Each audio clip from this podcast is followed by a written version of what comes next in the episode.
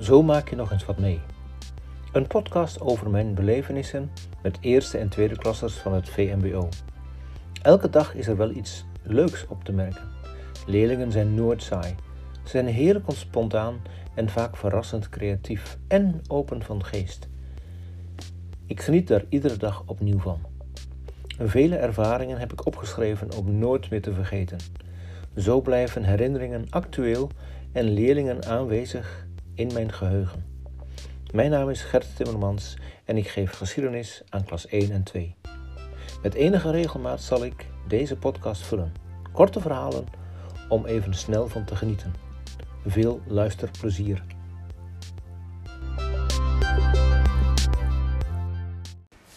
Deel 1.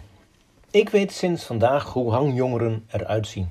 Of eigenlijk weet ik hoe ze de tijd doorbrengen. Job zit vandaag op de achterste rij. Dat is doorgaans zijn plek. Een prima plek. Wanneer hij achter in de klas zit, heb je het meest plezier van hem. Maar op de een of andere manier zit hij vandaag anders in de klas.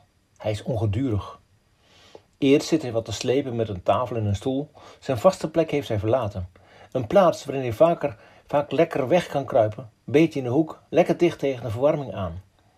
Nu schuift hij alles tegen een ander groepje aan. Wanneer hij dan eenmaal zit, pakt hij de tafel onder handen. Hij tilt hem op en laat zo aan mij de onderkant van de tafel zien. Zelfs van vooraan in de klas is duidelijk te zien dat de sporen van de tijd af te lezen zijn op de onderkant. Er is veel opgeschreven en gekrast. Als hij de tafel wat verder kantelt, ziet hij het ook. En meteen is zijn nieuwsgierigheid gewekt. Veel is er niet te lezen, maar dan ontdekt Xander opeens een 06-nummer. Even zie ik ze in vertwijfeling zitten. Zullen we dat nummer gaan bellen? Precies op tijd kom ik erachter en weet ze het te onderraden. Job merkt dat het hooghouden van de tafel vervelende drukplekken op je bovenbenen geeft en laat hem langzaam weer zakken. Ik zie dat de rust rondom hem komt. Maar dan weet hij toch weer de aandacht te trekken. Hij legt zijn beide benen op tafel. Ik zie het een tijdje aan. Wanneer ik lang genoeg gewacht heb, merk ik dat hij een wel erg relaxte houding aanneemt. Ik loop tijdens mijn geschiedenisverhaal over de industriële revolutie langzaam in zijn richting en wrijf een paar keer over zijn zolen. Ik hoef alleen maar dat gebaar te doen en hij heeft het al begrepen. Ik had nog willen zeggen dat ik er lang genoeg tegen aangekeken heb, maar dat was niet meer nodig. Job had vandaag iets met onderkanten. En ik bedenk me te laat dat ik dat prima in het verhaal had kunnen opnemen. De onderkant van de maatschappij werd uitgebuit. Moest het zware werk doen en verdienen zo goed als niks. Maar helaas te laat. Of zou Job een aantal extra uitdagingen nodig hebben? Ik denk het wel. Ik weet het wel zeker. En toch zou ik hem niet graag willen missen. Job geeft kleur aan de les. Hij is er en toch weet hij de juiste plaats in te nemen. Klasse. Deel 2. Het is een paar weken later. De jongens van T2A zijn niet vergeten dat onderkant ertoe doet. In de 20 minuten pauze nemen ze de conciërge in de arm.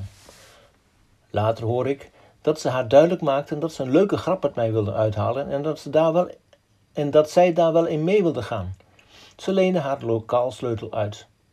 In een mum van tijd wisten een vijftal jongens de klas netjes te verbouwen. Toen ik aan het eind van de pauze, gewapend met mijn sleutel, de gang opliep om de deur te openen, had ik al argwaan kunnen hebben. Deze jongens staan nooit te popelen. Ik had in mijn ooghoeken zelfs een leerling kunnen zien die zijn mobiel in de filmmodus had staan. Ik doe de deur van het slot en werp een blik in het lokaal. Een nette chaos. Alle tafels en stoelen laten hun onderkant zien. Ik zie Job en Sylvan breed grijnzen. Ik kijk hen aan en ze hebben maar één woord. Nu schrijft u toch wel deel 2? Tegen zo'n verzoek kan ik geen nee zeggen. Ik loop snel naar binnen en maak een paar foto's. Zoiets moet wel vereeuwigd worden. Wanneer ze zich keurig aan hun beloofde woord houden en alles weer rechtop zetten, vertel ik hen dat ze wat beter rond hadden moeten kijken. Op mijn bureau, dat ook op zijn kant lag, lagen de toetsen voor dat uur. Daar hadden ze ruime inzage in kunnen hebben. Ze hebben ze zelfs in handen gehad, want ze lagen keurig op het tafeltje voor de computer. Ja, dan kijken ze een beetje beteuterd. Nou, vooruit jongens. Het antwoord op de eerste vraag is A. zeg ik tegen hen. Ze knopen het in hun oren. Wanneer ik later de foto's laat zien aan de conciërge, heeft zij ook pret. Maar even later verschiet ze van kleur als ik haar het voorval van de toetsen vertel. Maar alles is prima afgelopen. Van deze jongens kun je nog een hoop plezier hebben.